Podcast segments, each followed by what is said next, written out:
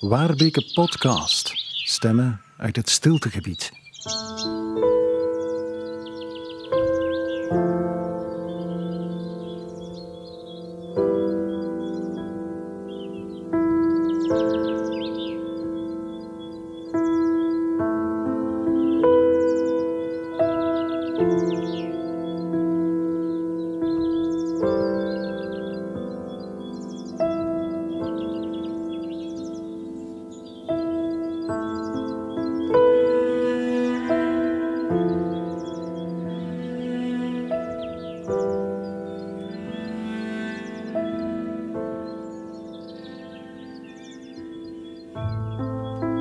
Esther Naomi Perquin is dichter des vaderlands in Nederland. Ze schreef het gedicht Wet naar aanleiding van de dodenherdenking op 4 mei 2018.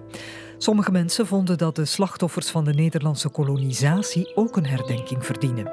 Ze dreigden ermee de traditionele gewijde stilte te verstoren.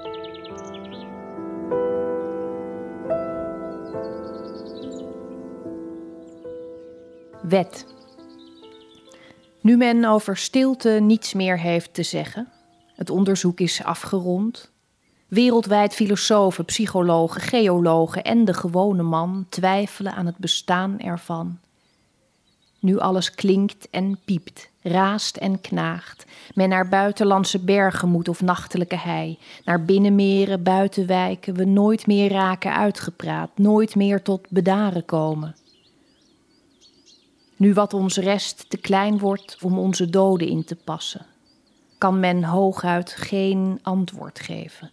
Komma's sparen, witregels verzamelen, stillevens, pauzes, hapering.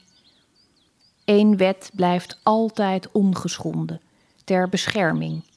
Voor de stilte valt kan men iets zeggen, of erna, maar nooit er middenin.